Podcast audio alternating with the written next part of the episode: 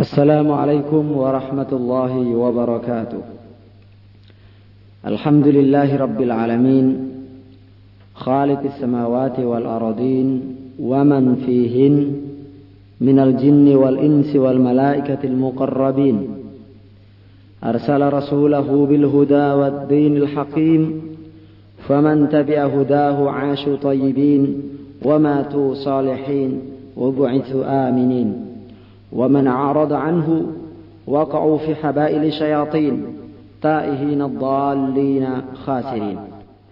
أشهد أن لا إله إلا الله إله الأولين والآخرين وأشهد أن محمدا عبده ورسوله الصادق الأمين.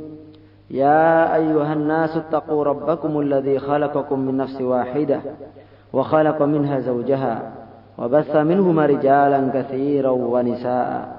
واتقوا الله الذي تساءلون به والأرحام إن الله كان عليكم رقيبا. أما بعد فإن أصدق الحديث كتاب الله وخير الهدي هدي محمد صلى الله عليه وسلم وشر الأمور محدثاتها وكل محدثة بدعة وكل بدعة ضلالة وكل ضلالة في النار. اللهم صل وسلم وبارك على نبينا محمد وعلى آله وأصحابه ومن تبعه ووالاه إلى يوم الدين معاشر المسلمين rahimakumullah kaum muslimin dan kaum muslimat yang kami cintai mudah-mudahan senantiasa kita mendapatkan berkah dan rahmat Allah Subhanahu wa taala. Dengan segala memuji Allah dan memohon kepada pertolongannya, mari kita bersama-sama untuk mengadakan sebuah kajian, sebuah perbincangan mengenai problematika seksual di kalangan remaja atau dalam kata lain adalah pendidikan seks dalam pandangan syariat Islam. Ma'asyiral muslimin rahimakumullah. Berbicara mengenai pendidikan seks tidak lepas dari dari sikap pro dan kontra. Di samping orang yang menyetujui adanya sosialisasi pendidikan seks, ada pula sebagian kaum muslimin yang menolaknya dengan berbagai macam alasan. Di antaranya adalah hal tersebut masih dianggap tabu. Menganggapnya adalah itu identik dengan kotor, cabul, porno, atau yang lain-lain dianggap tidak etis. Akan tetapi bagaimanapun kita tidak bisa memungkiri bahwasanya yang namanya persoalan seks itu adalah sebuah persoalan yang hidup seiring dengan berlangsungnya kehidupan manusia karena memang merupakan sebuah kebutuhan asasi fitrah manusia yang tidak dapat dipisahkan dari kehidupan.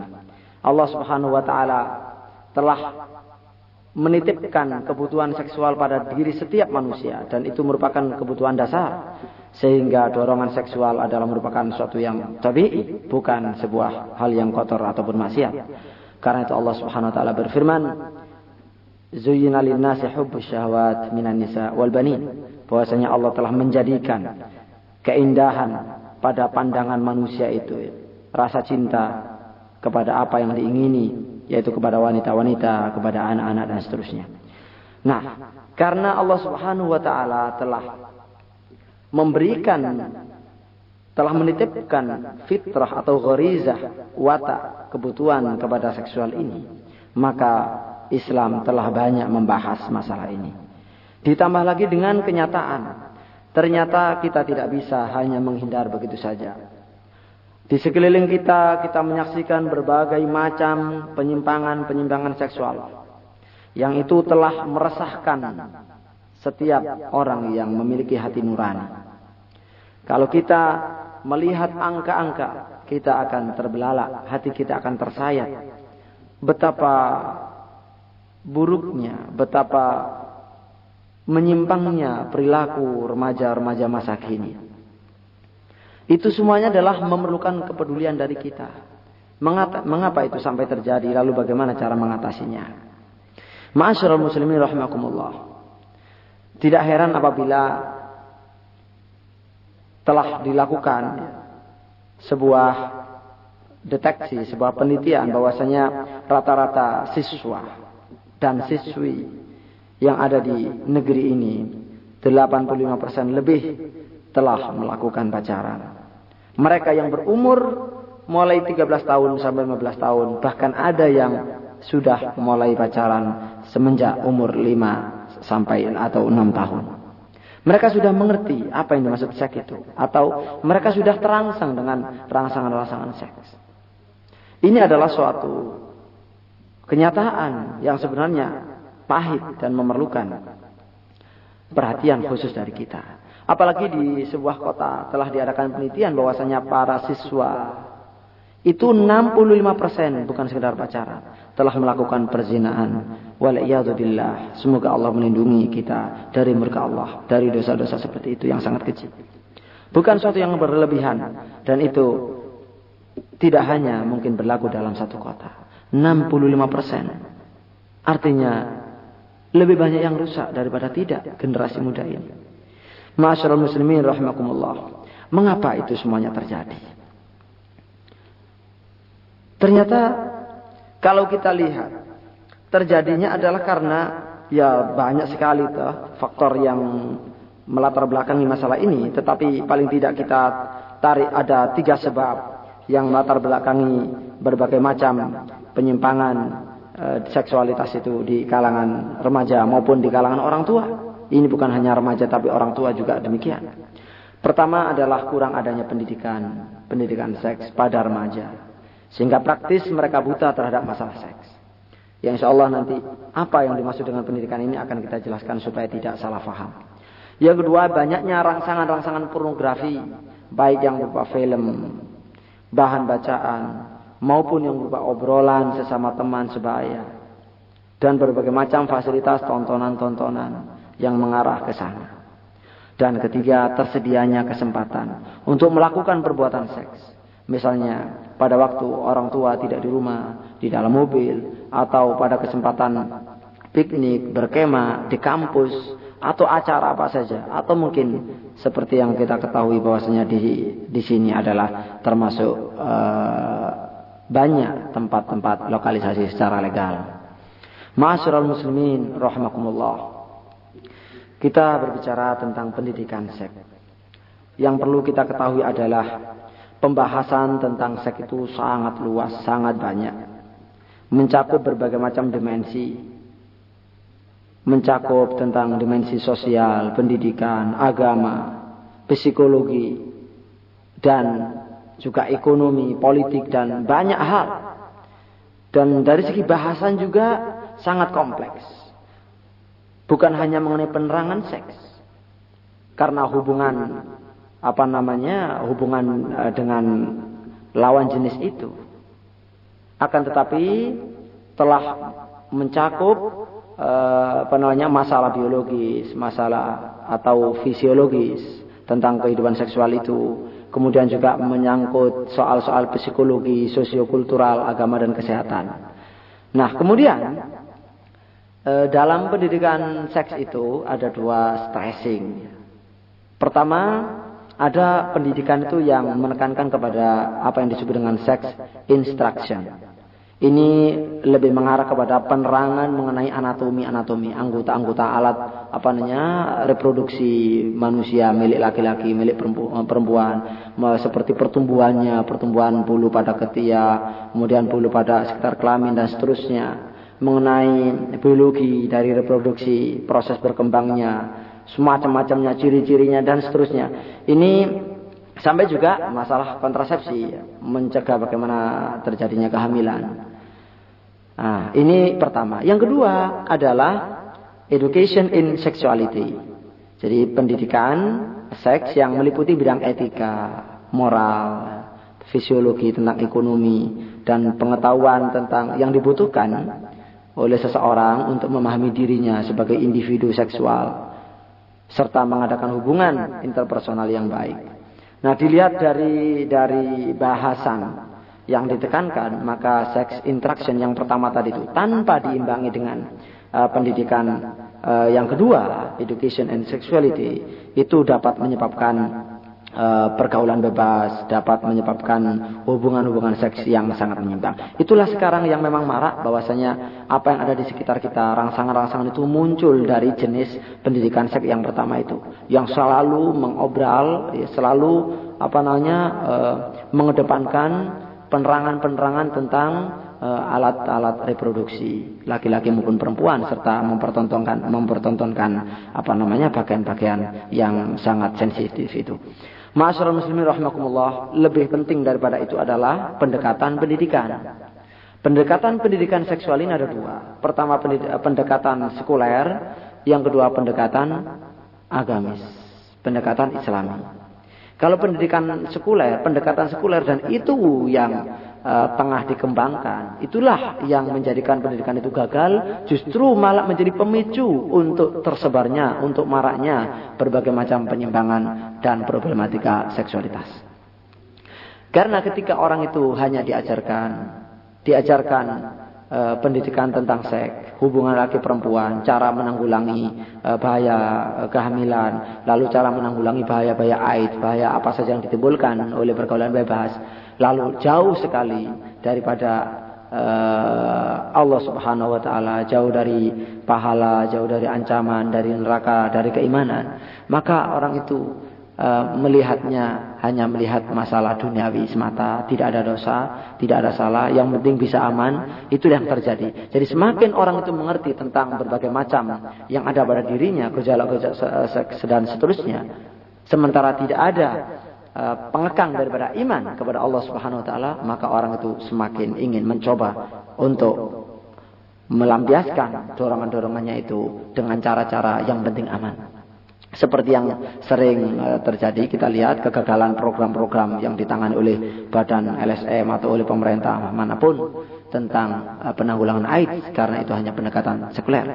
Sementara yang kita inginkan adalah pendekatan menurut Islam. Ya, jadi pendekatan menurut Islam yaitu kita tanamkan apa namanya keimanan kita kepada Allah Subhanahu wa taala. Setelah iman itu benar-benar tertanam dengan dengan dalam, dengan kuat. Lalu kemudian kita jelaskan hakikat daripada masalah seksualitas, masalah laki perempuan, hubungan dan kebutuhan serta berbagai macam aturannya. Ini insya Allah anak itu faham setelah memahami uh, tali pengikat, memahami kendali yang sangat kuat sehingga apa yang dipelajari justru menjadi bekal bagi kehidupan dalam keluarga keluarga atau dalam kehidupan uh, rumah tangga pada masa mendatang. Ma'asyiral muslimin rahimakumullah. Kemudian perlu kita lanjutkan bahasan kita ini dengan berbagai macam uh, bentuk problematika seksual yang ada. Tadi sudah kita singgung bahwasanya penyimpangan-penyimpangan masalah ya seksualitas, masalah-masalah yang berhubungan dengan dorongan seksual itu luar biasa. Luar biasa banyaknya dan sangat kompleks sekali. Mulai daripada pacaran. Itu kan sudah penyimpangan seksualitas menurut pandangan Islam. Karena menyalurkan hasrat dan dorongan-dorongan uh, untuk memenuhi ya, kebutuhan dengan lawan jenis dengan cara yang menyimpang dari aturan yang sebenarnya. Yang insya Allah nanti akan kita bahas satu persatu. Pertama pacaran. Yang kedua adalah masalah uh, onani. Yang ketiga masalah homoseksualitas. Kemudian dan lesbian. Kemudian masalah melacur, pelacur kemudian e, berzina, kemudian kita mengenal lagi e, narkoba, dan masih banyak lagi yang sana termasuk abortus. Nah, termasuk kita saat ini sangat dibutuhkan untuk membahas masalah seperti ini. Karena akhir-akhir ini apa yang kita dengar, apa yang kita ketahui sangat menggugah hati, sangat menyayat hati. Pada tahun lalu saja di negeri ini dikabarkan dalam satu tahun tercatat yang tercatat resmi, yang sempat tercatat, yaitu 3 juta aborsi terjadi di negeri ini. Kalau kita lihat ini adalah masalah yang seperti gunung es, ya, yang kelihatan dari permukaan kecil, tapi kalau diselami luar biasa, semakin banyak daripada yang nampak di permukaan. Dan juga beberapa waktu lalu di Surabaya di, terungkap jaringan dokter yang praktek aborsi ini. Ma'asyiral muslimin rahimakumullah, yang perlu kita ketahui, ternyata korban-korban dan pasien yang ingin aborsi itu semuanya rata-rata adalah wanita-wanita yang belum pernah bersuami. Ini yang sempat hamil. Bagaimana yang tidak hamil? Ini yang sempat tercatat. Bagaimana yang tidak tercatat? Itu semuanya kan merupakan bentuk asli ya, bukti asli daripada penyimpangan-penyimpangan seksualitas. Ma'asyiral muslimin rahimakumullah. Berikut ini adalah akan saya kemukakan beberapa alasan yang menunjukkan ahamnya tarbiyah ya tentang jinsia, yaitu urgensi pendidikan seks. Di antaranya adalah pertama, dapat mencegah penyimpangan-penyimpangan dan kelainan-kelainan seksual, khususnya para remaja, yang remaja adalah merupakan harapan kita semuanya. Yang kedua, dapat memelihara tegaknya nilai-nilai moral remaja. Ketiga, dapat mengatasi gangguan-gangguan psikis pada remaja. Dan keempat, dapat memberi pengetahuan dalam menghadapi perkembangan anak. Ma'asyiral muslimin rahimakumullah. Selanjutnya, pendidikan seks itu adalah bagian daripada pendidikan akhlak. Sedangkan pendidikan akhlak adalah merupakan bagian dari pendidikan Islam. Karena itulah di antara tujuan pendidikan seks diberikan kepada remaja muslim itu adalah untuk membentuk pribadi muslim yang berdasar atas Al-Quran dan Sunnah dalam hidupnya untuk membentuk manusia yang berakhlak mulia, memiliki akidah dan keimanan yang kuat dan taat kepada Allah Subhanahu wa taala. Demi mencapai kebahagiaan dalam membentuk rumah tangga sakinah, mawaddah warahmah. Sehingga dengan demikian maka akan terlahir generasi yang bertanggung jawab, bersih dan suci, mencegah kerusakan dalam masyarakat yang ditimbulkan oleh penyimpangan dalam masalah seksual ini. Jadi begitu mulia kalau kita bisa menyajikan pendidikan seks secara benar sesuai dengan apa yang ada di dalam ajaran Islam. Karena itulah ma'asyiral muslimin rahimakumullah. Yang lebih penting adalah berikutnya materi apa saja yang perlu kita kemukakan di dalam pendidikan seks kepada remaja itu. Nah ini penting sekali supaya kita tidak bias. Ya. Tadi sudah kita sebutkan di dalam uh, di awal dari kajian kita bahwasanya uh, pendidikan seks itu sangat urgen dan sangat penting. Tadi kemudian kita sebutkan dua pendekatan dan juga dua uh, pembahasan yang begitu banyak. Dan memang pendidikan seks itu tidak bisa berdiri sendiri. Selalu terkait dengan berbagai macam masalah. Dengan berbagai macam ilmu. Dengan pendidikan-pendidikan lain. Dengan pendidikan akidah, dengan pendidikan akhlak, pendidikan ibadah dan lain sebagainya. Karena itu kemudian ada seorang yang bernama Ayib Safruddin menegaskan bahwasanya pendidikan seksual di dalam Islam itu merupakan bagian integral dari pendidikan akidah, akhlak, ibadah. Pendidikan seksual tidak bisa lepas dari ketiga unsur di atas. Keterlepasan pendidikan seksual dengan ketiga unsur di atas akan menyebabkan kerancuan, ketidakjelasan arah dari pendidikan seksual tersebut. Bahkan mungkin akan menjadi pemicu yang dahsyat akan banyaknya kesesatan dan penyimpangan dalam eh, dari tujuan asal pendidikan seks itu. Sebab pendidikan seksual yang lepas dari unsur akidah, akhlak dan ibadah yang tadi sudah kita sebut sebagai pendekatan sekuler hanyalah akan berdasarkan hawa nafsu manusia semata-mata. Karena itulah materi pendidikan seks ini sangat luas. Tidak boleh langsung hanya diberi materi khusus masalah seks, tidak. Tetapi harus banyak pendahuluan, pendahuluan yang ini merupakan materi dasar, materi umum yang akan melandasi uh, hati dan uh, sikap hidup dari setiap remaja muslim itu.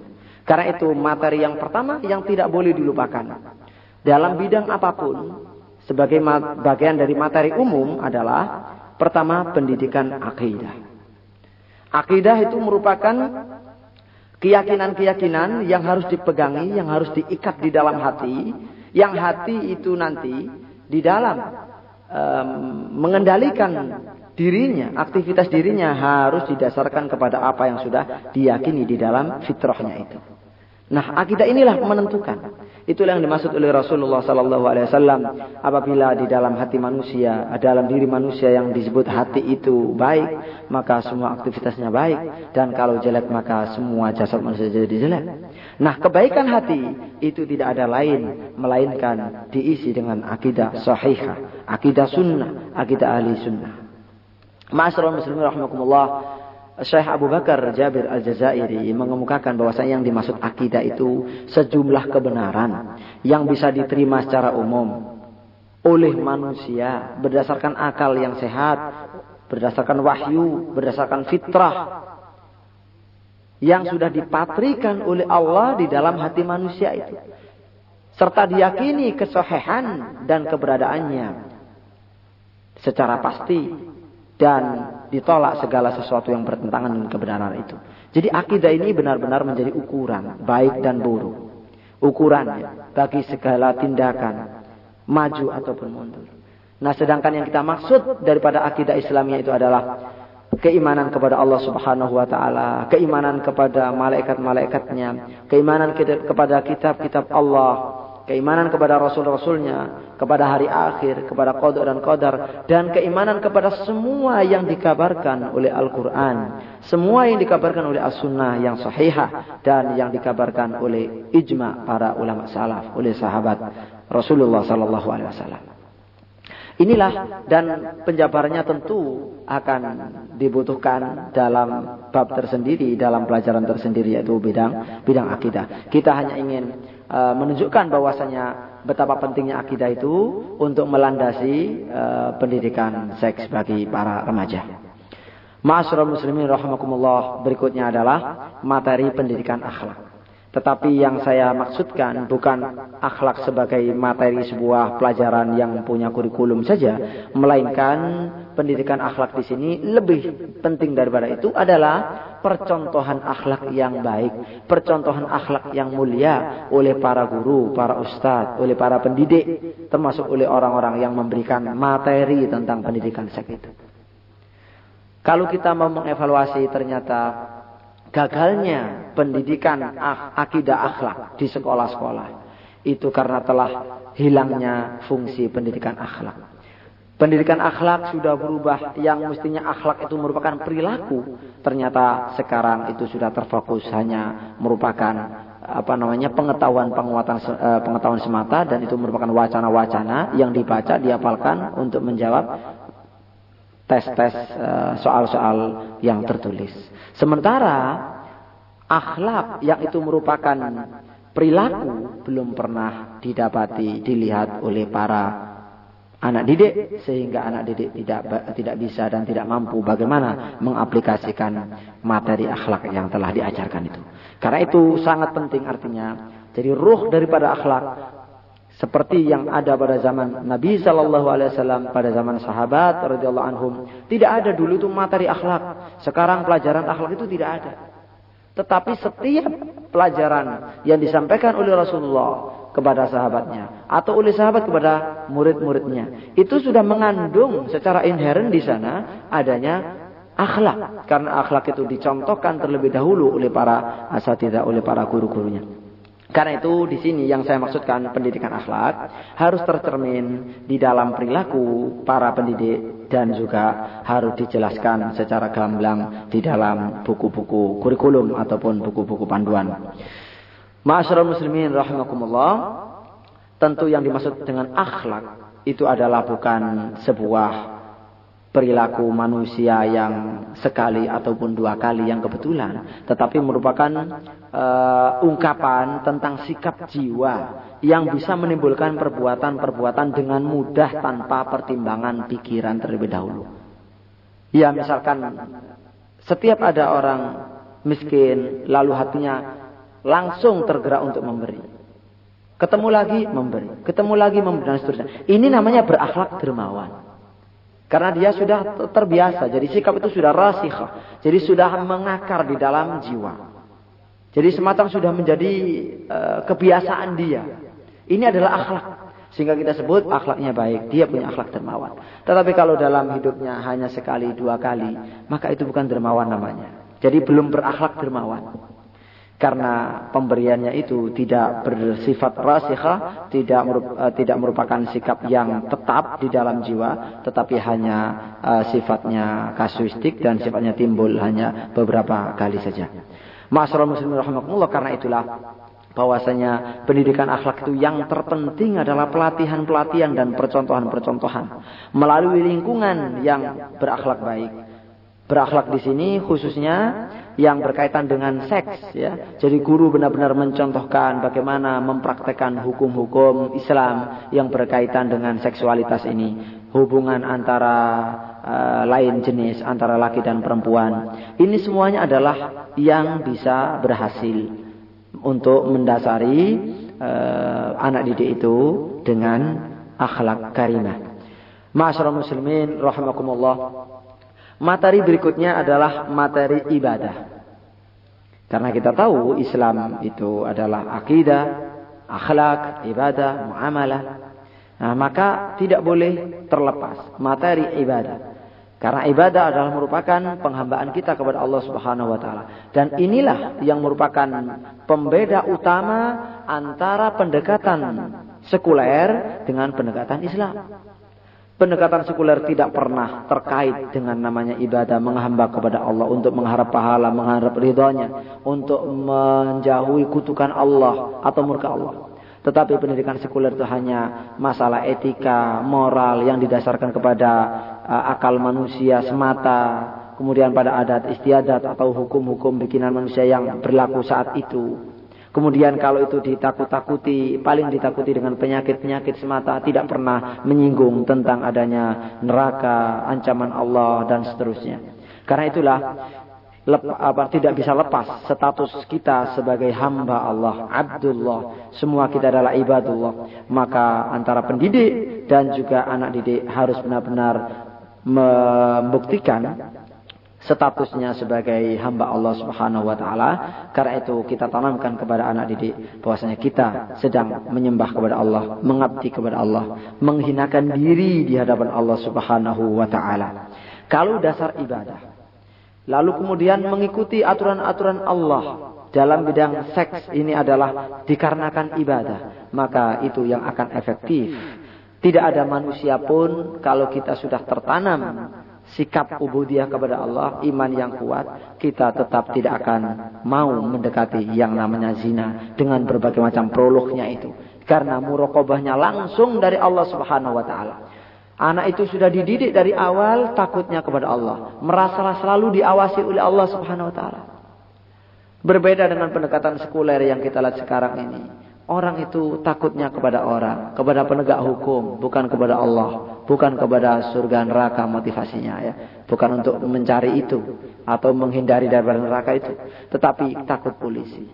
Kalau ada polisi dia sungkan-sungkan, dia segan, dia tidak mau seperti orang yang baik-baik. Begitu tidak ada pengawas, tidak ada polisi, tidak ada penegak hukum misalkan, maka dia dengan sesukanya dan leluasa. Itu kalau polisi yang disegani karena keadilannya. Tetapi kalau semua itu tidak berfungsi, maka tentu masalah ada dan tidaknya aparat itu ada tidak akan berpengaruh sama sekali. Tidak ada orang tua juga.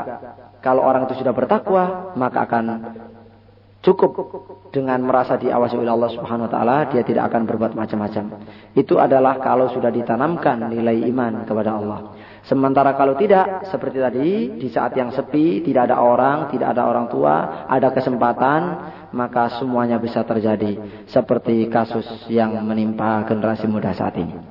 Masyarul muslimin rahimakumullah, uh, kembali kepada masalah ibadah. ya Ibadah itu sekedar untuk mengingatkan kepada kaum muslimin semuanya. Ibadah itu adalah bukan hanya salat, tetapi ismun jami' likulli ma yuhibbuhullah wa yardah. Min minal af'al wal aqwal al-zahira wal batinah. Segala aktivitas yang itu baik menurut Allah, dicintai oleh Allah, diridhoi oleh Allah. Apakah berbentuk ucapan, perkataan atau berbentuk perilaku anggota badan? Apakah itu samar? Apakah itu jelas, nyata? Apakah amalan hati atau amalan zahir? Semuanya kalau memang dicintai Allah, diizinkan oleh Allah, diridhai oleh Allah, itu adalah ibadah. Karena itu di dalam Islam Melakukan pernikahan secara syar'i adalah merupakan ibadah tersendiri. Jadi bukan hanya ibadah sholat ataupun haji semata. Ma'asyiral muslimin rahimakumullah. Kemudian berikutnya adalah materi secara khusus. Kalau tadi materi umum yang itu tidak boleh lepas, maka sekarang materi khusus yang memang berfokus kepada pendidikan seks.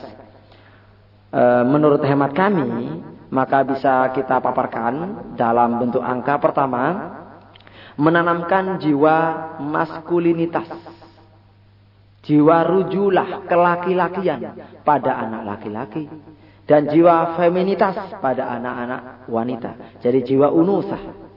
Jadi penanaman perbedaan gender antara laki-laki dan perempuan ini wajib ditanamkan semenjak dini. Kalau dikatakan laki perempuan sama, nah di sini. Ini adalah pendekatan sekuler, benar-benar e, tidak keluar daripada ajaran agama. Ini yang nanti membawa berbagai macam problematika hidup yang hubungannya dengan seksualitas. Seperti yang kita saksikan sekarang. Semenjak kecil harus ditanamkan laisa zakaru kal unsa. Laki-laki tidak sama dengan wanita. Karena itu di dalam Islam penanaman akidah semacam ini, keyakinan ini sudah diperintah kepada orang tua ketika anak itu berumur tujuh tahun. Sudah harus dipisah tempat tidurnya antara saudara ini. Dan disertai dengan penjelasan-penjelasan mengapa harus dipisah. Padahal itu saudara. Bagaimana kalau itu dengan orang lain? Jadi Allah Subhanahu wa taala Maha Hakim, Maha Bijak. Begitu rapinya, begitu muhkamnya ajaran agama ini karena Allah Subhanahu wa taala memang Maha tahu, Maha mengerti tentang watak manusia sehingga perangkatnya sudah dimulai semenjak manusia itu kecil. Allah Maha tahu bahwasanya yang namanya dorongan seks ini tidak bisa dianggap remeh. Itu fitrah, itu naluri pasti berkembang. Kalau itu tidak diwaspadai, maka akan terjadi penyimpangan-penyimpangan. Yang kedua, yaitu mengenalkan mahramnya. Ini juga sudah dimulai semenjak dini tadi. Semenjak umur awal anak itu faham apa itu mahram. Yang ketiga, kita baca dulu poin-poinnya, kita jelaskan. Mendidik agar selalu menjaga pandangan mata. Yang keempat, mendidik anak agar tidak melakukan ikhtilat. Yaitu campur antara jenis laki-laki dan perempuan. Campur baur tidak karuan jadi satu dalam satu forum, dalam satu majelis, satu ruangan. Yang kelima, mendidik agar tidak melakukan khalwat, yaitu berduaan, bersepi-sepian antara dua orang yang lain jenis. Yang keenam, mendidik agar tidak melakukan jabat tangan atau bersentuhan dengan lawan jenis yang bukan mahramnya. Yang nanti insya Allah akan kita sebutkan siapa mahram-mahram itu. Ketujuh, mendidik etika berhias, bersolek untuk menghias diri. Ini juga harus diajarkan oleh orang tua. Orang tua harus paham dulu baru bisa mengajari anaknya. Yang kedelapan, mendidik bagaimana cara berpakaian secara Islam. Karena masing-masing jenis, laki maupun perempuan, itu punya aturan khusus di dalam Islam. Yang kesembilan, memisahkan tempat tidur. Yang kesepuluh, mengenalkan waktu-waktu berkunjung dan tata tertib ketika masuk ke kamar orang tua. Karena orang tua, laki perempuan, ya, suami istri, ini e, bisa dikatakan mesti melakukan hubungan suami istri. Nah, agar anak-anak itu tidak sampai pikirannya goncang, rancu oleh pandangan-pandangan yang belum waktunya. Maka diatur oleh Islam di sana ada waktu-waktu untuk berkunjung, waktu-waktu masuk ke dalam kamar orang tua yang harus pakai izin. Yang ke sebelas, mendidik agar menjaga kebersihan alat kelaminnya. Yang dua belas, khitan. Ketiga belas, ihtilam mengenai mimpi-mimpi yang hubungan dengan seksualitas. Kemudian keempat belas tentang haid dan segala hal yang berkaitan dengan haid. Kemudian ke-15 menetapkan syariat ya, menjelaskan syariat yang melarang dan menghukum eh, yang melarang ya, serta menghukum tiap-tiap orang yang melakukan pelanggaran-pelanggaran seksualitas. Ya, pelanggaran kesusilaan. disebutkan, diajarkan apa saja yang dilarang, lalu apa saja hukumannya menurut Islam. Kemudian yang ke-16 itu menjelaskan syariat-syariat yang mengatur hubungan antara laki dan perempuan. Termasuk dalam masalah nanti eh, ke-17 adalah eh, syariat Islam tentang pernikahan dan perkawinan. Masyarul muslimin rahimakumullah.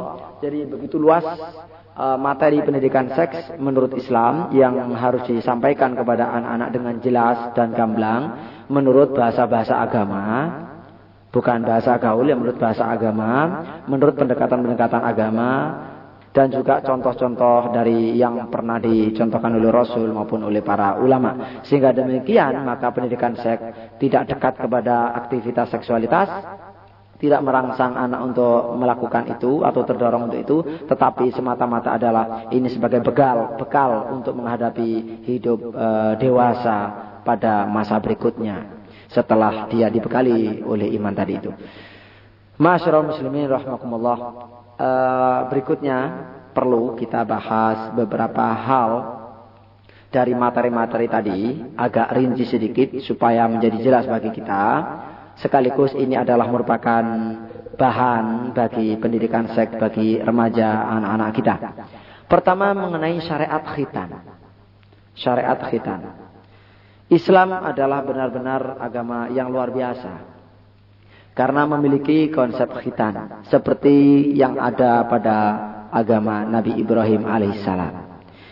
Ya, apa yang disebut dengan khitan? Yang kita maksud adalah memotong uh, praiputium yaitu kulub ya, satu kulit yang menutupi uh, kemaluan laki-laki itu dipotong sehingga terlihat uh, kepala zakarnya.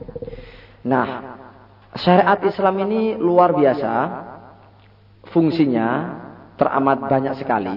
Jadi manfaat khitan itu kalau untuk laki-laki adalah bisa dari segi medis ya, dari segi medis maka bisa menghindarkan dari berbagai macam penyakit yang dimungkinkan muncul apabila tidak dilakukan khitan. Karena di bawah kulit uh, kulub tadi, kulit zakar, itu terdapat eh, lendir-lendir yang keluar di sana, apa yang disebut dengan semikma, dan itu kalau menumpuk maka akan uh, menyebabkan berbagai macam penyakit termasuk radang. Kemudian dari segi dari segi Eh, pendidikan seks ya dari seksualitas maka punya fungsi yang banyak diterangkan oleh para ulama di antaranya yaitu untuk mendatangkan apa namanya uh, kesempurnaan kenikmatan di dalam kehidupan rumah tangga ya dalam proses uh, itu. Karena ini insya Allah sesuatu yang sudah mafhum bisa difahami oleh Eh, masing-masing kaum muslimin khususnya yang sudah berumah tangga. Jadi intinya demikian, sangat beda antara yang tidak khitan dengan yang khitan. Kemudian manfaat kalau untuk khitan wanita, memang khitan bagi laki-laki adalah wajib, sementara bagi wanita itu adalah sunnah di dalam Islam. Nah fungsinya adalah di antaranya itu yang sudah terbukti menambah keindahan tubuh wanita, menambah kecantikannya, sekaligus mengurangi eh, dorongan nafsunya yang menggebu-gebu sehingga semakin bisa membantu membentuk wanita solihah yang penuh dengan uh, rasa malu yang itu adalah merupakan modal dasar bagi sikap wanita yang solihah. Masyarakat muslimin rahimakumullah kalau kita ingin mengetahui dasar daripada khitan ini seperti yang saya katakan tadi bahwasanya uh, yang pertama kali melakukan adalah Nabi Ibrahim alaihissalam ketika beliau berusia 80 tahun. Beliau diperintah oleh Allah untuk melakukan khitan. Demikian yang diriwayatkan oleh hadis Rasulullah sallallahu alaihi wasallam dari Abu Hurairah yang ada di dalam hadis Imam Ahmad, Imam Bukhari, Imam Muslim dan lain-lain dan yang menyebut yang tidak menyebut umur itu Imam Muslim ya. Yang Imam Bukhari dan yang lainnya ada Nabi Ibrahim ketika berumur 80 tahun bahkan dikatakan berkhitan dengan kapak. Alhamdulillah kita uh, di dalam Islam ini ada aturan yaitu khitan bagi anak-anak muslim dilakukan semenjak kecil baik itu tujuh hari maupun sampai yang penting sampai sebelum balik, sebelum remaja. Ma'asyiral muslimin rahimakumullah. Nah kalau tadi itu khitan pada laki-laki adalah uh, memotong kulit yang menutupi ya yang disebut dengan kulub itu yang menutupi uh, glans atau glans penis ya. Maka kalau wanita adalah memotong sedikit uh, ujung daripada klitorisnya. Demikian yang diterangkan di dalam kitab-kitab fikih. Kemudian yang perlu kita jelaskan lagi, yang kedua adalah mengenai syariat perkawinan di dalam Islam. Pertama, tentu kita sudah paham masalah pengertian perkawinan. Pengertian perkawinan adalah melaksanakan akad, ya, akad perikatan yang dijalin dengan me, meng, apa, mempertemukan dua pihak, laki-laki dan perempuan, seorang laki-laki dan seorang perempuan, atas dasar keridoan dan kesukaan kedua belah pihak, oleh seorang wali, diikat oleh seorang wali, wali dari wanita itu, dari pihak perempuan itu, menurut sifat yang telah diatur oleh syariat Islam. Ya, untuk menghalalkan hidup serumah, membentuk sebuah rumah tangga, untuk menjadikan yang satu condong kepada yang lain, menjadikan masing-masing menjadi baju bagi yang lain, saling menutupi, saling melengkapi, saling memenuhi hajatnya, saling mengayomi dan seterusnya untuk melakukan hidup zahir dan batin, membentuk rumah tangga yang sakinah, melampiaskan e, memuaskan hajat-hajat biologis yang memang itu merupakan bawaan dari Allah e, secara halal, secara luas. Demikian yang dimaksud dengan pernikahan. Adapun dasar dari pernikahan tidak perlu barangkali saya utarakan. Sudah teramat banyak baik di dalam Al-Quran maupun di dalam hadis. Kemudian yang penting dari perkawinan ini perlu kita ungkap adalah tujuan perkawinan. Agar anak-anak itu benar-benar faham. Ya. Benar-benar faham perbedaan perkawinan dan tidak. Fungsi perkawinan dan manfaat daripada perkawinan. Pertama, Ma'asyiral muslimin rahimakumullah. Perkawinan di dalam Islam itu bertujuan mewariskan anak keturunan. Karena anak keturunan ini adalah merupakan prasyarat kesinambungan kehidupan di dunia ini untuk memakmurkan bumi, untuk mewujudkan Islam ini benar-benar rahmatan lil alamin. Dari sahabat Anas diceritakan bahwasanya Nabi kita Muhammad sallallahu alaihi wasallam telah memerintahkan kawin dan melarang membujang dengan larangan yang sangat keras. Rasulullah melarang membujang itu hidup dengan tidak nikah baik laki-laki ataupun oleh perempuan. Dan Rasulullah pun bersabda yaitu kawinilah perempuan-perempuan yang mencintai kamu dan lagi bisa memberikan keturunan yang banyak. Tazawaju al-walud al-wadud fa inni mubahin bikumul umam yaumal qiyamah. Karena aku nanti di hari kiamat akan berbangga-bangga dengan para nabi-nabi yang lain. Ma'asyiral muslimin rahimakumullah. Rasulullah sallallahu alaihi wasallam mengharapkan sangat mengharapkan daripada umatnya agar menikah dengan wanita yang bisa memberi keturunan banyak. Yang kemudian dididik secara Islam, lalu menegakkan Islam, sebuah generasi yang bisa dibanggakan oleh Rasulullah Sallallahu Alaihi Wasallam. Jadi tujuan nikah adalah untuk mendapatkan keturunan yang baik, yang suci, sebagai uh, salah satu perwujudan cita-cita Rasulullah Sallallahu Alaihi Wasallam. Yang kedua, dalam pernikahan menurut Islam memiliki tujuan untuk menyelamatkan masyarakat dari dekadensi moral, dari berbagai macam penyimpangan-penyimpangan seksual yang begitu buruk akibatnya dari kerusakan-kerusakan masyarakat. Rasulullah Shallallahu Alaihi Wasallam dari hadis Ibnu Mas'ud radhiyallahu an mengatakan, Ya ma'syar syabab, man istata'a minkumul ba'ah falyatazawwaj fa innahu aghaddu lil basar wa ahsanu lil farj wa lam yastati' fa alaihi bisyam fa lahu wija. Wahai para pemuda, barang siapa di antara kamu yang telah siap, yang telah mampu untuk nikah, maka kawinlah. Karena sesungguhnya kawin itu dapat menundukkan pandangan dan lebih dapat menjaga kemaluan. Dan barang siapa yang tidak mampu atau belum mampu maka hendaklah dia berpuasa. Karena dengan berpuasa itu, karena puasa itu baginya adalah menjadi pengkang hawa nafsu hadis rawahu jamaah dari uh, oleh sekelompok ahli hadis. Ma'asyiral muslimin rahimakumullah.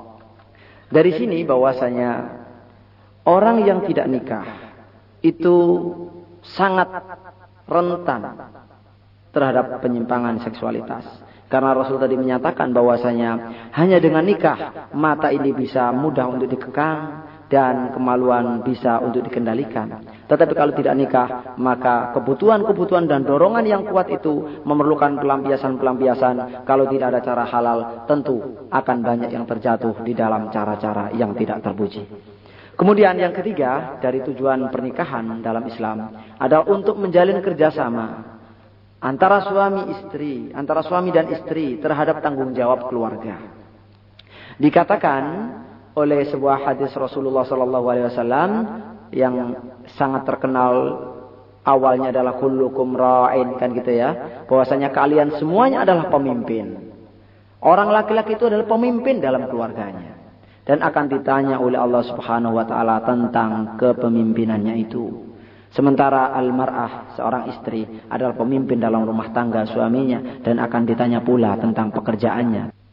Tentang pekerjaannya, tentang kepemimpinannya. Demikian hadis riwayat Imam Al-Bukhari dan Imam Muslim dari Ibnu Umar radhiyallahu anhu. Masyarakat muslimin rahimakumullah, Allah telah berkehendak menjadikan kaum laki-laki sebagai pemimpin dan itu memang sudah dipersiapkan oleh Allah dengan beberapa kelebihan yang diberikan kepada kaum laki-laki. Yang mana sifat-sifat itu tidak diberikan kepada kaum wanita.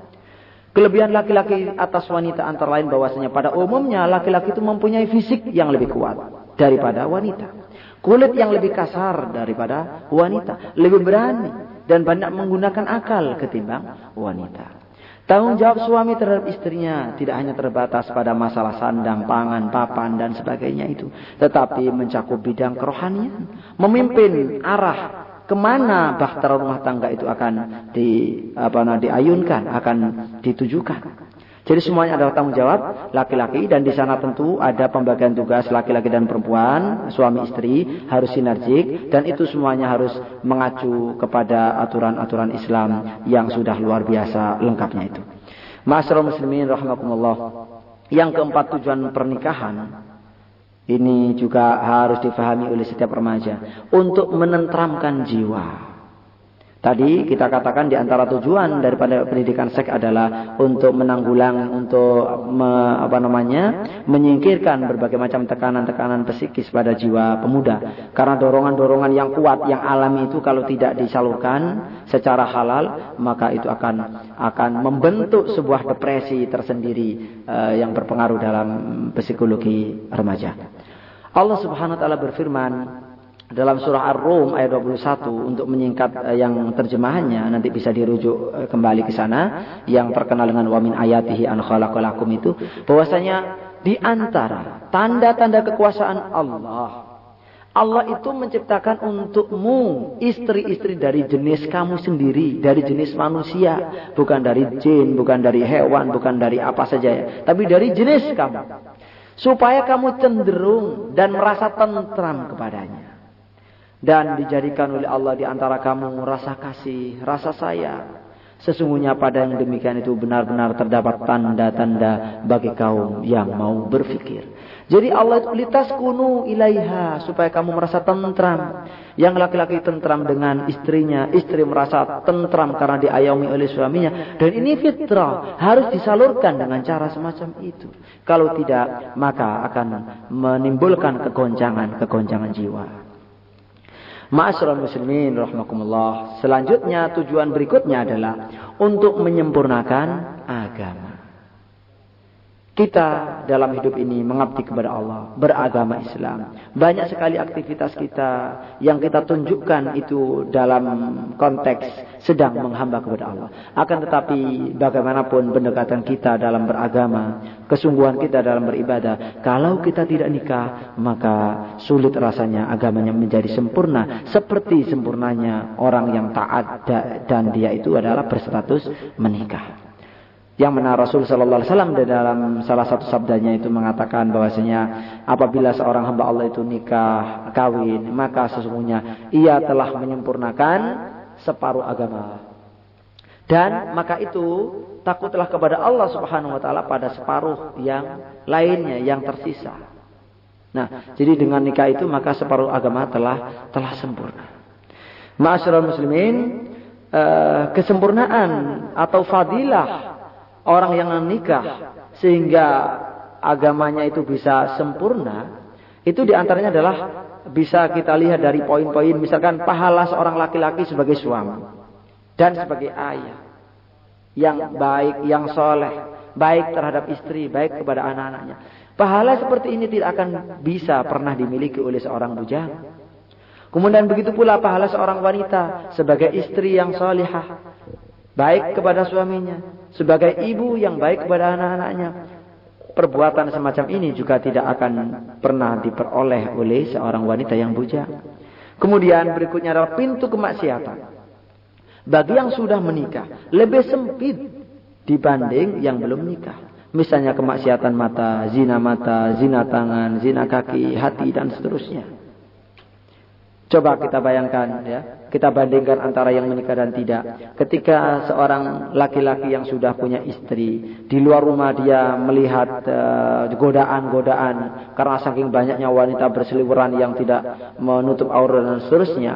Lalu kemudian dia terangsang dorongan uh, seksualnya, lalu dia pulang untuk melaksanakannya, melampiaskannya secara halal, maka akan tenang Gejolak-gejolak itu akan tenang dan dia berpahala itu.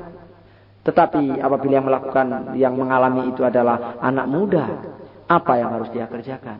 Terus dia akan dibayang-bayangi ketakutan. Kalau dia masih punya rasa takut, kalau dia tidak, maka tentu tidak ada yang tahu apa yang dia lakukan kecuali Allah dan dia sendiri. Kaum muslimin dan kaum muslimat rahimakumullah. Berikutnya adalah aturan perkawinan di dalam Islam.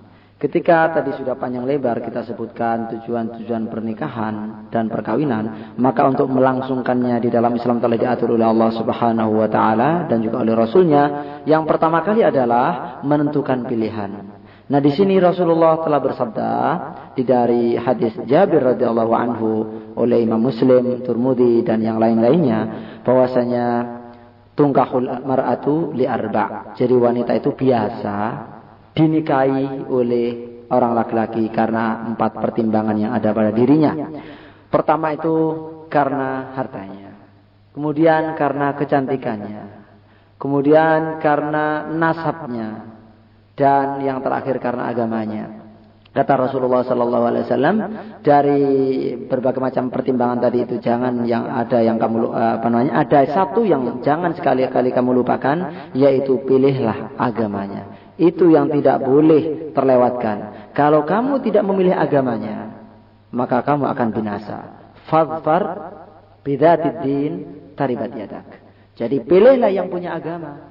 Jika tidak, maka kamu akan hina, kamu akan binasa. Masyarul muslimin rahimakumullah. Jadi kaum muslim dan para wali dari kaum muslimah hendaknya memperhatikan syarat-syarat yang telah diajukan oleh Rasul Shallallahu Alaihi Wasallam ini manakala menginginkan terciptanya keluarga yang sakinah mawaddah yang bahagia untuk selama lamanya yaitu wanita salihah harus dijodohkan dengan laki-laki saleh. Wanita salihah yang dimaksudkan oleh Rasul yang harus menjadi uh, pilihan yaitu wanita yang bercirikan Eh, misalkan taat kepada Allah, taat kepada Rasulullah sallallahu alaihi wasallam, kemudian selalu memakai jilbab yang menutup seluruh auratnya, seluruh tubuhnya dan tidak pernah pamer kecantikan, tidak tabarruj ya, seperti layaknya wanita-wanita zaman jahiliyah, jahiliyah klasik maupun jahiliyah modern abad ini yang banyak menjadi idola yang pakaiannya selalu menjadi tren bagi uh, kaum wanita yang tidak salihah. Kemudian wanita yang jauh dari laki-laki yang bukan mahramnya, tidak pernah berduaan. Kemudian taat kepada Allah, eh, taat kepada kedua orang tuanya, ibu bapaknya, berbuat baik. Dan uh, dia itu memiliki perangai yang baik, yang diduga kuat sebagai wanita yang bakal taat kepada suaminya. Baik ketika suaminya ada maupun tidak. Masyarul muslimin rahimakumullah. Setelah menetapkan pilihan berdasarkan kriteria yang telah diatur oleh Rasulullah sallallahu alaihi wasallam tadi, maka langkah yang kedua adalah melihat calon. Si gadis yang menjadi calon istrinya. Hal ini diperlukan supaya tidak timbul rasa kecewa di belakang hari ataupun penyesalan karena dia akan menjadi istrinya yang seumur hidup bukan main-main. Karena itu Rasulullah Sallallahu Alaihi Wasallam menyarankan kepada Mughirah ibnu Syu'bah ketika dia menikahi seorang wanita maka kata Rasulullah mengapa? Apakah kamu sudah melihatnya? Karena melihatnya adalah merupakan uh, hal yang bisa melangsungkan melanggengkan hubungan kamu berdua. Uh, hadis riwayat Imam yang lima kecuali Imam Abu Dawud Masalah muslimin rahmatullah. Kemudian yang berikutnya adalah setelah cocok. Begitu melihat langsung cocok. Jadi tidak perlu pacaran, tidak perlu kemudian lebih jauh berkenalan lalu sampai pergi berduaan dan seterusnya itu tidak sampai seperti itu. Begitu cocok maka urusannya langsung dengan walinya yaitu meminang dan melamar. Seorang laki-laki meminta kepada seorang perempuan untuk menjadi istrinya dengan cara melalui walinya dengan cara yang sudah biasa e, diamalkan oleh sebagian kaum muslimin. Khususnya yang saya maksud adalah kaum muslimin yang sudah punya komitmen dengan e, cara-cara sunnah. Setelah demikian maka langkah berikutnya adalah dilangsungkanlah akad nikah. Yang di situ harus dilakukan oleh wali atau dihadiri oleh wali, diridhoi oleh wali dan juga dua orang saksi. Dan ini adalah merupakan syarat mutlak yang menjadi ke keabsahan daripada pernikahan di dalam Islam. Kemudian langkah berikutnya adalah walimatul urus, yaitu e, suatu apa namanya walimah yang dilaksanakan setelah akad nikah dan disunahkan sekurang-kurangnya dengan menyembelih seekor kambing. Kalau sanggup, inilah yang dinamai walimah pernikahan walimah nikah di dalam Islam. Sebagaimana yang dianjurkan oleh Rasulullah sallallahu alaihi wasallam di dalam hadis Bukhari dan Muslim. Dengan lafaz Muslim aulim walau bisat yaitu bikinlah walimah oleh kamu sekalipun itu hanya dengan menyembelih seekor kambing. Demikian hadis dari Anas ibn Malik rahimahullah atau radhiyallahu anhu. Masyarakat muslimin rahimakumullah. Kemudian ada lain yang uh, perlu dicatat, diingatkan, yaitu adanya mas kawin di dalam Islam. Mas kawin adalah hak wanita, cara menghormati wanita, sebuah pemberian yang bisa menyenangkan hati wanita sesuai dengan kemampuan e, pengantin laki-laki. Ya, bisa dikatakan di antara nilainya adalah sebagai sumbangan yang sangat berharga kepada istri di dalam menghadapi suasana pernikahan itu. Nah, pada zaman Rasulullah SAW, mas kawin itu beragam e, bentuknya dan bermacam-macam sekali. Ada yang dari cincin emas, ada yang dari kurma, ada yang dari gandum dan macam-macam. Kemudian kata Rasul Shallallahu Alaihi Wasallam, wanita yang paling baik, wanita saleh adalah wanita yang tidak memberatkan di dalam pembiayaan dan proses pernikahannya. Masyarakat muslimin rahimakumullah. Berikutnya yang penting dari materi pendidikan seks dalam Islam adalah menjelaskan berbagai macam penyimpangan perilaku seksual yang diharamkan oleh Islam berikut dosa-dosa serta ancaman-ancaman dunia dan akhiratnya. Ini penting sekali dan sekaligus itu ditanamkan itu adalah sebagai ketetapan dari Allah Subhanahu wa taala, tidak sekedar azab duniawi atau yang sifatnya alami saja, tetapi melainkan adalah diharamkan oleh Allah lalu dilaknat oleh Allah dan diancam dengan berbagai macam ancaman dunia dan akhirat. Pertama adalah penyimpangan yang relatif ringan yaitu onani atau masturbasi. Ini adalah tentu merupakan sebuah bentuk penyelewengan penyaluran hasrat seksual. Karena di dalam Islam itu kan sebisanya. Jadi seorang pemuda tadi sudah dikatakan kalau sudah sanggup siap nikah, kalau tidak maka harus berbuat iffah, harus bersikap membersihkan diri dari mengikuti dorongan-dorongan seksual yang muncul setiap saat. Nah, karena itu disarankan untuk berpuasa agar itu semuanya bisa terkendali.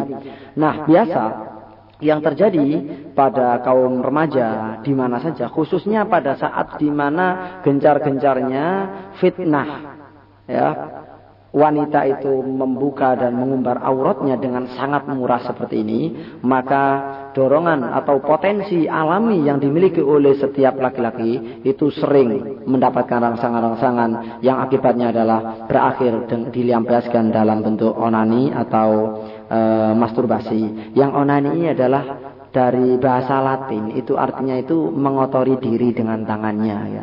Kalau di dalam bahasa Arabnya adalah al-istimna yaitu usaha mengusahakan dengan dirinya untuk mengeluarkan air spermanya. Ini adalah salah satu bentuk penyimpangan yang di dalam Islam dianjurkan oh, remaja itu tidak ikut uh, larut dalam bisikan nafsunya atau untuk apa namanya melanjutkan daripada bisikan-bisikannya eh, bisikan tentang seksualitas itu. Jadi tidak boleh sampai diikuti eh, dengan gerakan-gerakan tadi itu atau usaha-usaha yang kurang yang kurang terpuji itu. Ma'asyiral muslimin rahimakumullah. Kemudian eh, tentang homoseks dan lesbian. Ini adalah penyimpangan yang luar biasa ini tidak bisa disamakan dengan yang pertama tadi. Ini dikutuk oleh Allah Subhanahu wa taala perbuatan yang sangat kecil. Yang dimaksud dengan homoseks adalah perbuatan memuaskan nafsu seksual dengan jenis seks yang sama. Dengan jenis kelamin yang sama. Seorang laki-laki memuaskan nafsunya dengan laki-laki lain, perempuan dengan perempuan lain. Biasanya kalau laki-laki itu dengan cara e, naudzubillah ya dengan cara apa namanya mendatangi anus laki-laki lain. Kemudian kalau wanita biasanya menggesekkan e, kemaluannya atau alat vitalnya pada wanita lain. Nah, ini adalah perbuatan-perbuatan yang jelas dikutuk oleh Allah Subhanahu wa taala yang sangat keji yang disebutkan fahisyah yang pertama kali dilakukan oleh kaum Nabi Lut, e, kaumnya Nabi Lut yang Allah mengatakan belum pernah ada manusia yang melakukan perbuatan yang sekeji ini. Padahal fitrahnya Allah Subhanahu wa taala telah menitipkan, telah menetapkan pada diri manusia itu adalah cinta kepada lawan jenis. Mengapa ini cinta kepada sesama jenis? Ini adalah bentuk penyimpangan yang sangat keji. Yang sekarang ini bukan lagi berbentuk penyimpangan, tetapi sudah uh, dipropagandakan, sudah dipromosikan untuk dilegalkan di beberapa negara yang tidak tahu tentang Tuhan. Eh, negara-negara yang telah sekuler, yang telah jauh dari agama-agama samawi, agama-agama yang dibawa oleh para para nabi, oleh para nabi alaihi wassalam seperti yang ada di negara-negara barat.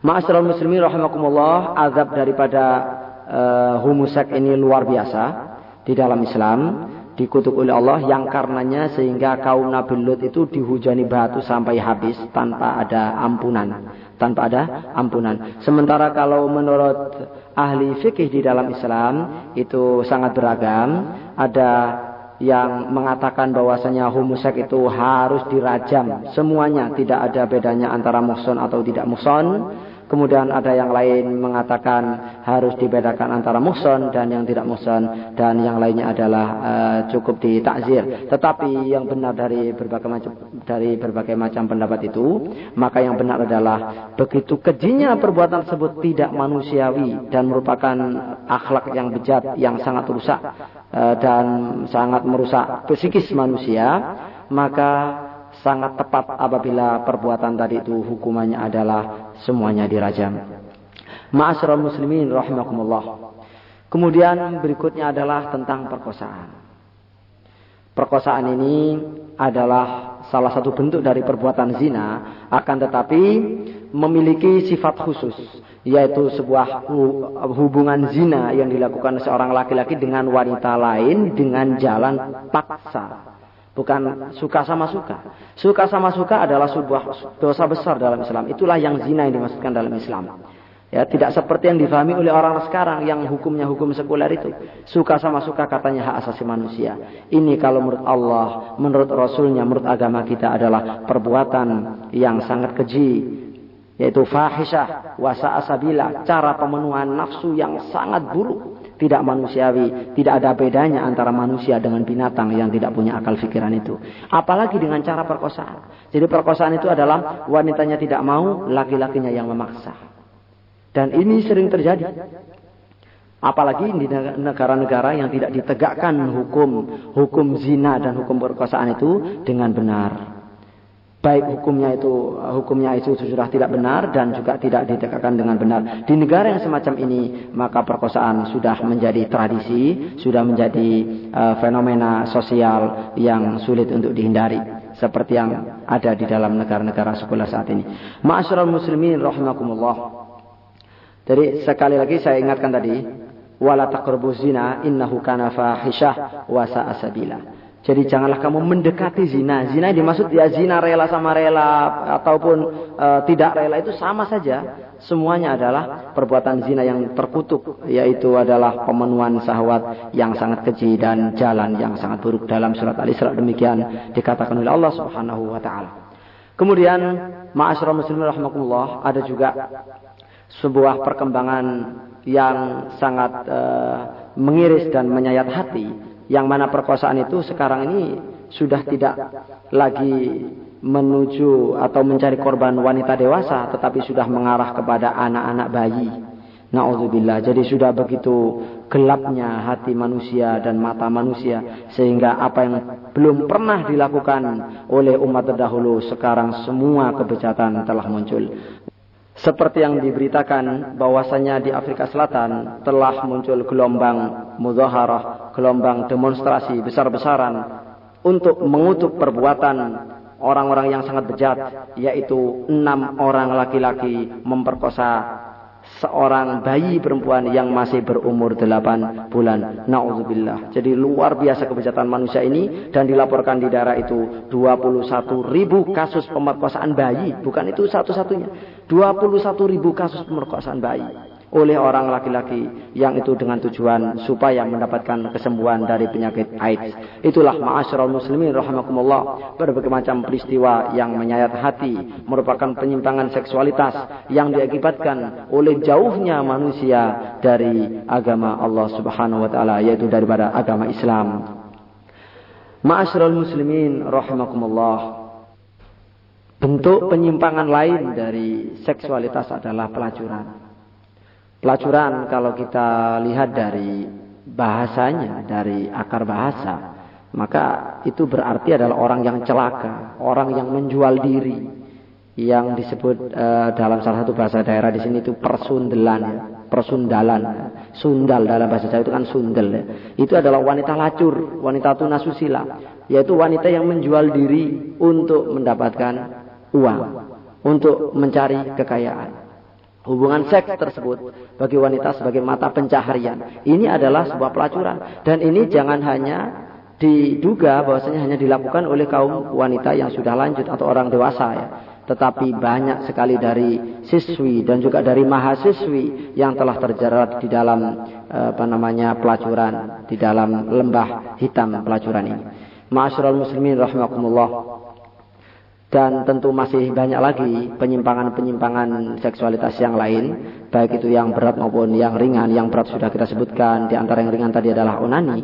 Yang perlu kita tegaskan kembali bahwasanya e, masalah onani itu adalah merupakan perbuatan yang tidak terpuji yang harus segera dihindari oleh remaja-remaja muslim. Karena hal itu termasuk adalah melampaui batas kewenangan yang diberikan oleh Allah Subhanahu wa taala faman ibtagha faman ibtagha wara'a dzalika faulaika humul adun. Siapa yang mencari kepuasan seks di luar yang disebut di atas yaitu lewat jalan nikah dan lewat jalan budak belian kalau memang ada zaman budak.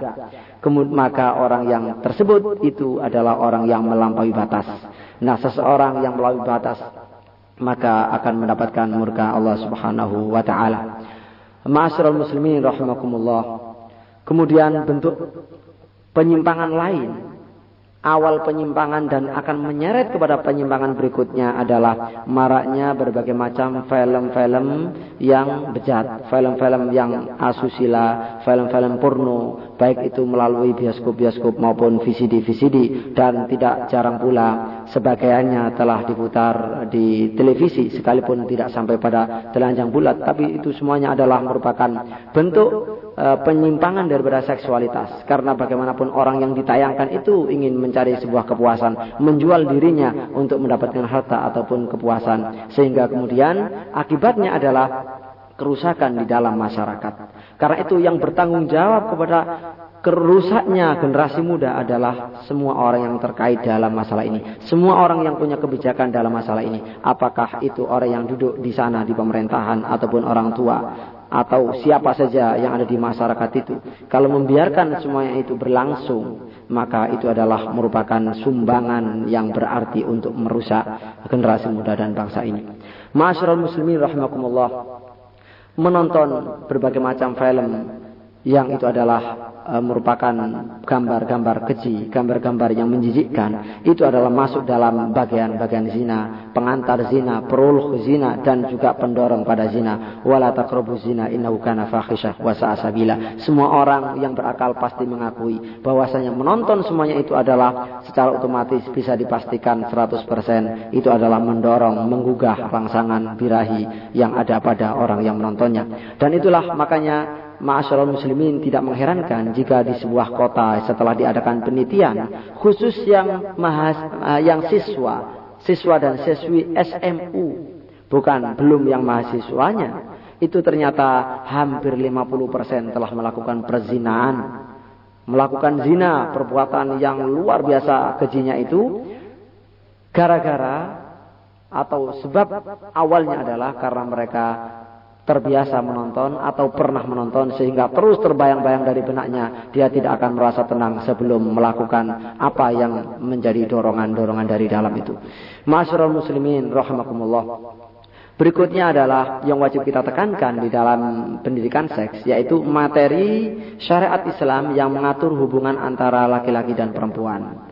Kita kenalkan, kita tanamkan betul-betul. Pertama itu apa yang namanya mahram, yaitu laki-laki yang tidak boleh uh, dinikahi oleh wanita atau wanita yang tidak boleh dinikahi oleh laki-laki. Nah, ini wajib karena terkait dengan masalah pergaulan. Mahram itu boleh untuk berduaan, boleh untuk mengantarkan. Sementara yang bukan mahram, maka tidak boleh berduaan, tidak boleh bercampur, kemudian tidak boleh berkumpul dalam satu majelis tanpa mahramnya ya, tidak boleh jabat tangan dan seterusnya. Ini sangat berpengaruh. Sedangkan mahram dalam Islam ya secara ringkas itu adalah wanita-wanita yang haram dinikahi oleh laki-laki, ibu. Kemudian anak perempuan, kemudian saudara perempuan. Saudara perempuan maksudnya di sini yang ketiga tadi itu adalah yang sekandung. Berikutnya yang keempat saudara perempuan seayah. Lalu saudara perempuan seibu. Yang keenam, anak perempuan saudara perempuan. Ya, kemenakan ya, kemenakan perempuan dari saudara perempuan dan yang ketujuh adalah kemenakan perempuan dari saudara laki-laki. Ini tujuh golongan. Wanita yang haram dinikahi, wanita yang mahram berdasarkan nasab. Kemudian ada tujuh kelompok juga yang berdasarkan susuan, yaitu apabila seseorang seorang laki-laki ya bayi laki-laki menyusu kepada seorang wanita yang bukan ibunya, maka bagi laki-laki itu ada tujuh wanita yang diharamkan karena rodoah, karena susu tadi itu. Yaitu ibu yang menyusuinya, sekaligus ke atas sampai nenek-neneknya. Kemudian yang kedua adalah putri dari yang menyusui. E, kemudian saudara yang menyusui, bibi yang dari susu ya yang menyusui e, dan juga bibi dari bapaknya dari pihak laki-laki atau bibi dari pihak perempuan. Kemudian putri daripada saudara susunya dan putri daripada saudara susu yang laki-laki ya, saudara susu laki-laki.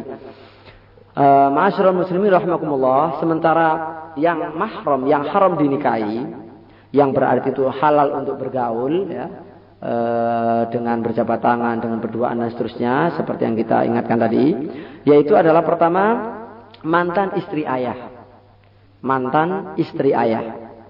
Ini tidak boleh dinikahi uh, termasuk mahram. Yang kedua, mantan mantan istri anak. Jadi mantan menantu. Kemudian ibu istri, ibu mertua dan anak perempuan istri yaitu anak tiri. Masyarakat muslimin rahimakumullah. Jadi demikianlah beberapa wanita yang mahram itu harus kita tanamkan sampai hafal betul. Sementara yang bukan mahram juga kita tanamkan. Lalu dilakukan di sana pengawasan-pengawasan. Seperti misanan, yaitu e, anak saudara dengan anak saudara. Ini adalah bukan mahram. Ya misalkan Ahmad punya saudara Fatimah, Ahmad punya anak laki-laki, Fatimah punya anak perempuan. Maka anak Ahmad dan anak Fatimah ini bukan mahram. Boleh dinikahkan. Karena itu tidak boleh jabat tangan, tidak boleh seenaknya mengantar, kemudian berduaan dan seterusnya. Ini adalah ajaran Islam yang sangat berkaitan erat dengan adanya kelurusan uh, seksualitas ataupun penyimpangan seksualitas. Eh, berikutnya adalah mendidik anak agar selalu menjaga pandangan mata. Ini mulai dari nasihat, himbauan, anjuran, juga contoh-contoh seperti yang banyak dilakukan oleh Rasulullah Sallallahu Alaihi Wasallam ketika menjelaskan masalah ini kepada para sahabat, ada yang dijelaskan melalui melalui tindakan, yang mana salah seorang sahabat itu melihat seorang wanita yang sedang berjalan, lalu kepalanya diputar oleh Rasul, tidak boleh memandang terus kepada wanita itu. Ada juga Rasul menceritakan bahwasanya hak kamu hanya melihat yang pertama, yang tidak sengaja itu, lalu melihat kedua dan seterusnya yang ada unsur sengaja, maka itu bukan hak kamu lagi.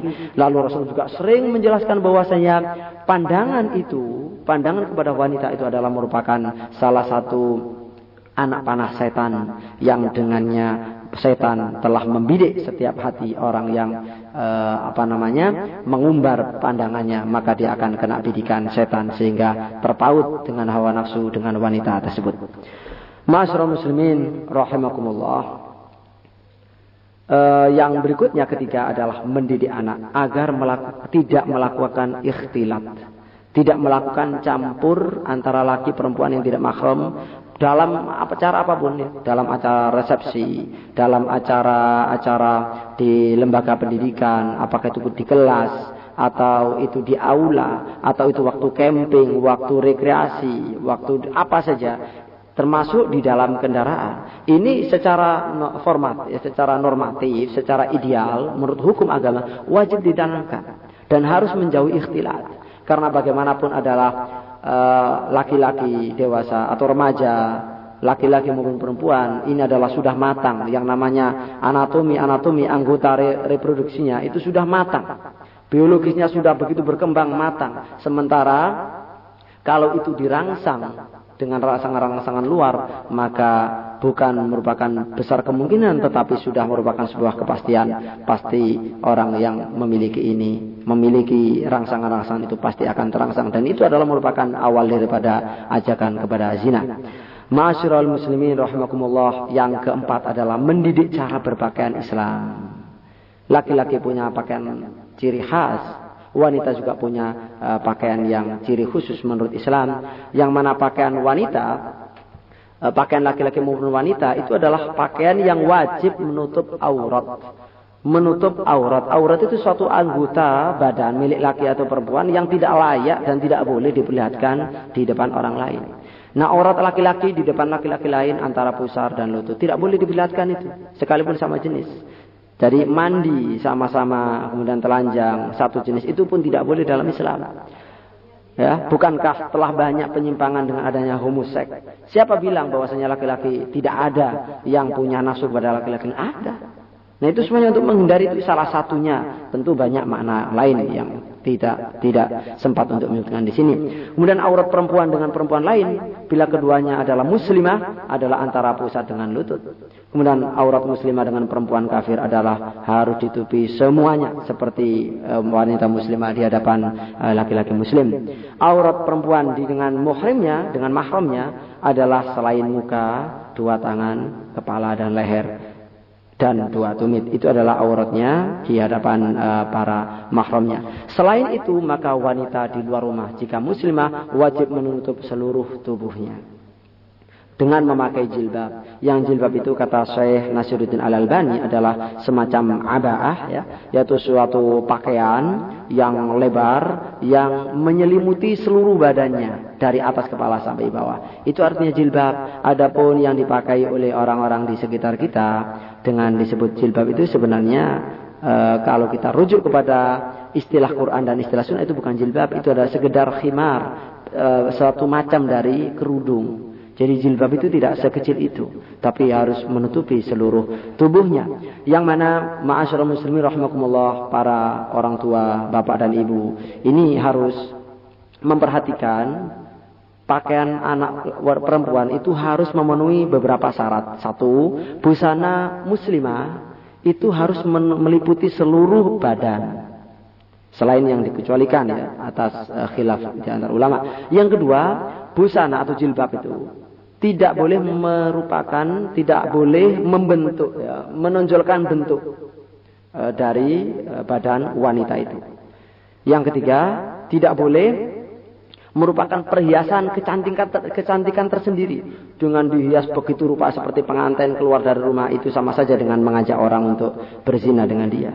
Kemudian yang keempat harus lebar, tidak sempit sehingga uh, tidak tampak bagian lekuk tubuhnya. Ya, ini tadi sudah kita sebut. Uh, kemudian yang saya masukkan keempat adalah kelima merupakan busana rangkap dan tidak tipis, yaitu tebal. Dan syarat berikutnya tidak berbau wangi-wangi, parfum dan tidak tipis tadi ya. Tidak berwangi-wangi apabila dia keluar rumah secara umum. E, adapun khusus bertemu dengan kelompok wanita maka boleh hukumnya. Tetapi kalau sampai bertemu dengan kaum laki-laki maka itu kata Rasul adalah telah berzina atau mengajak zina. Dan berikutnya syaratnya tidak boleh menyerupai busana laki-laki. Busana khas laki-laki.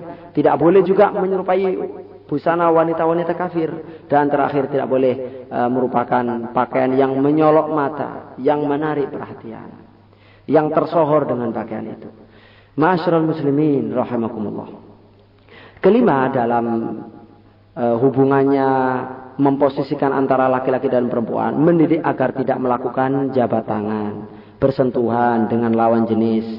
Ini benar-benar harus diperhatikan. Bukan e, apa namanya hanya karena teman lalu diperbolehkan. Teman akrab, apakah itu satu e, kantor, e, satu teman sekerja, teman kuliah, teman sekolah, lalu kemudian dibiarkan begitu saja dengan alasan dewasa. Ini adalah tanggung jawab orang tua yang nanti akan ditanyakan oleh Allah Subhanahu wa taala yang itu merupakan dosa dalam Islam. Yang keenam, mendidik agar tidak melakukan khalwat Khalwat ini sangat bahaya kata Rasul sallallahu alaihi wasallam. Tidak ada seorang laki-laki yang berduaan dengan seorang wanita. Yang itu bukan mahramnya pasti yang ketiga adalah syaitan.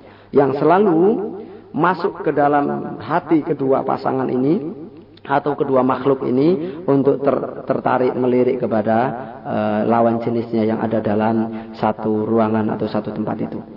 Ma'asyiral muslimin rahimakumullah. Jadi begitulah berbagai macam uh, materi pendidikan seks dalam Islam yang kita sajikan tentu tidak begitu detail ya ada yang cukup Eh, penjelasannya, ada yang seakan-akan terburu-buru dan kita lewati begitu saja.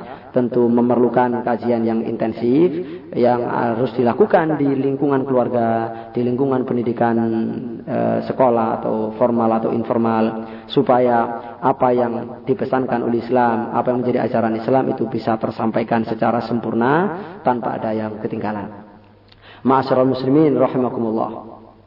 Akhir dari pembahasan kita kali ini, saya ingin mengingatkan kembali, menasihati para orang tua, para bapak dan para ibu yang muslim dan muslimah untuk menunaikan tugasnya di dalam melindungi anak-anaknya dari penyimpangan seksualitas agar kita tidak menyesal di kemudian hari di dunia maupun di akhirat. Pertama adalah kewajiban orang tua benar-benar menyediakan pendidikan bagi anak semenjak dini, pendidikan Islam, pendidikan agama yang benar. Kalau bisa mendidik sendiri, dididik sendiri. Kalau tidak, maka harus dicarikan tempat yang benar-benar baik dengan disertai dengan pengawasan yang ketat. Tidak cukup hanya sekedar kemudian e, privat lalu tanpa diawasi atau hanya pondok Ramadan atau bahkan liar begitu saja. Tapi ini adalah kewajiban orang tua. Yang kedua, orang tua harus menjauhkan anak dari berbagai macam yang bisa merangsang dorongan-dorongan seksual eh, seksualitas pada anak. Seperti misalkan karena orang tua punya harta atau punya uang lalu beli CD CD-CD porno dan yang tidak senonoh itu. Atau mungkin dibiarkan anaknya itu menonton itu di rumah tetangga atau di rumah teman. Karena itu yang ketiga wajib orang tua ini eh, benar-benar menyeleksi dan melihat meneliti siapa teman bergaulnya anaknya karena dari teman ini berapa banyak berbagai macam kemungkaran bisa ditularkan. Kemudian yang berikutnya yang paling penting begitu melihat anak sudah dewasa. maka sebaiknya orang tua mengawinkan anak jika anak itu sudah membutuhkan pernikahan. Apalagi kalau dilihat anak itu kok dia sudah pacaran. Maka segera dilakukan cara pengatasan-pengatasan. Kalau bisa dipisah-dipisah untuk studinya. Kalau tidak bisa, maka yang paling baik adalah dilangsungkan pernikahan. Karena sekali lagi yang namanya dorongan seksualitas. Tidak ada obat yang terbaik selain disalurkan lewat jalan yang benar. Yaitu lewat nikah yang sah. Lewat perkawinan yang sah menurut Islam. Ma'asyiral muslimin rahimakumullah. Untuk zaman seperti ini tidak ada lagi alasan menunda-nunda perkawinan dengan alasan anak masih sekolah, masih kuliah. Betapa banyaknya kaum muslimin, remaja muslim yang telah berhasil melaksanakan pernikahan padahal mereka juga masih dalam status mahasiswa ataupun mahasiswi. Ternyata mereka bisa melaksanakan itu dan ternyata lebih baik daripada anak-anak yang tidak melaksanakannya. Masyarul muslimin rahimakumullah kita akhiri kajian ini mudah-mudahan bermanfaat untuk kita semuanya dan akhirnya memohon kepada Allah agar kita dilindungi dari kebejatan moral yang melanda dunia ini. Akhirul kalam wabillahi taufiq wal hidayah. Subhanakallahumma rabbana wa bihamdika asyhadu an la ilaha illa anta astaghfiruka wa atubu ilaik. Wa sallallahu ala nabiyyina Muhammad walhamdulillahi rabbil alamin. Wassalamualaikum warahmatullahi wabarakatuh. Kaum muslimin dan muslimat rahimakumullah. Itu tadi ceramah yang telah disampaikan oleh Ustadz Agus Hasan Basori dengan tema pendidikan seks dalam perspektif Islam. Mudah-mudahan apa yang telah disampaikan tadi dapat kita ambil hikmahnya dan bermanfaat dalam kehidupan kita. Jika Anda ingin mendapatkan kaset-kaset ceramah, juga kaset-kaset bacaan Al-Quran, hubungi Lembaga Dakwah dan Talim Jakarta, telepon 021 831 2566 Demikian informasi yang disampaikan. Wassalamualaikum warahmatullahi wabarakatuh. الله من الشيطان الرجيم بسم الله الرحمن الرحيم ألف لام ميم را تلك آيات الكتاب والذي أنزل إليك من ربك الحق ولكن أكثر الناس لا يؤمنون. الله الذي رفع السماوات بغير عمد ترونها ثم استوى على العرش وسخر الشمس والقمر كل يجري لأجل مسمى. يدبر الأمر يفصل الآيات لعلكم بلقاء ربكم توقنون. وهو الذي مد الأرض وجعل فيها رواسي وأنهارا.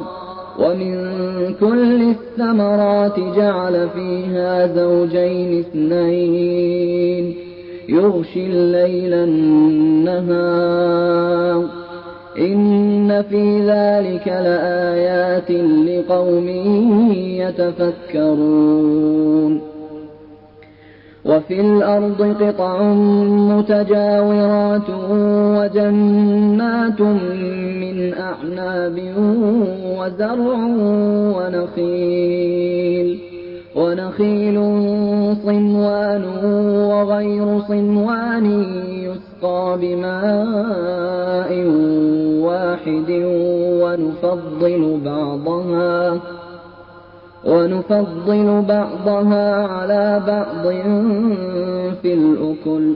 إن في ذلك لآيات لقوم يعقلون. وإن تعجب فعجب قولهم فعجب قولهم أإذا كنا ترابا أإنا لفي خلق جديد. أولئك الذين كفروا بربهم وأولئك وأولئك الأغلال في أعناقهم وأولئك وأولئك أصحاب النار هم فيها خالدون. ويستعجلونك بالسيئة قبل الحسنة وقد خلت من قبلهم المثلات. وإن ربك لذو مغفرة للناس على ظلمهم. وإن ربك لشديد العقاب. ويقول الذين كفروا لولا أنزل عليه آية من ربه إنما أنت منذر ولكل قوم هاد. الله يعلم ما تحمل كل أنثى وما تغيض الأرحام وما تزداد. وكل شيء عنده بمقدار. عالم الغيب والشهادة الكبير المتعال. سواء منكم من أسر القول ومن جهر به ومن هو مستخف بالليل وسارب بالنهار. له معقبات من بين يديه ومن خلفه يحفظونه من أمر الله. إن الله لا يغير ما بقوم حتى يغيروا ما بأنفسهم. وإذا أراد الله بقوم سوءا فلا مرد له وما لهم وما لهم من دونه من وال. هو الذي يريكم البرق خوفا وطمعا وينشئ السحاب الثقال. ويسبح الرعد بحمده والملائكة من خيفته ويرسل الصواعق فيصيب بها من يشاء وهم يجادلون في الله وهو شديد المحال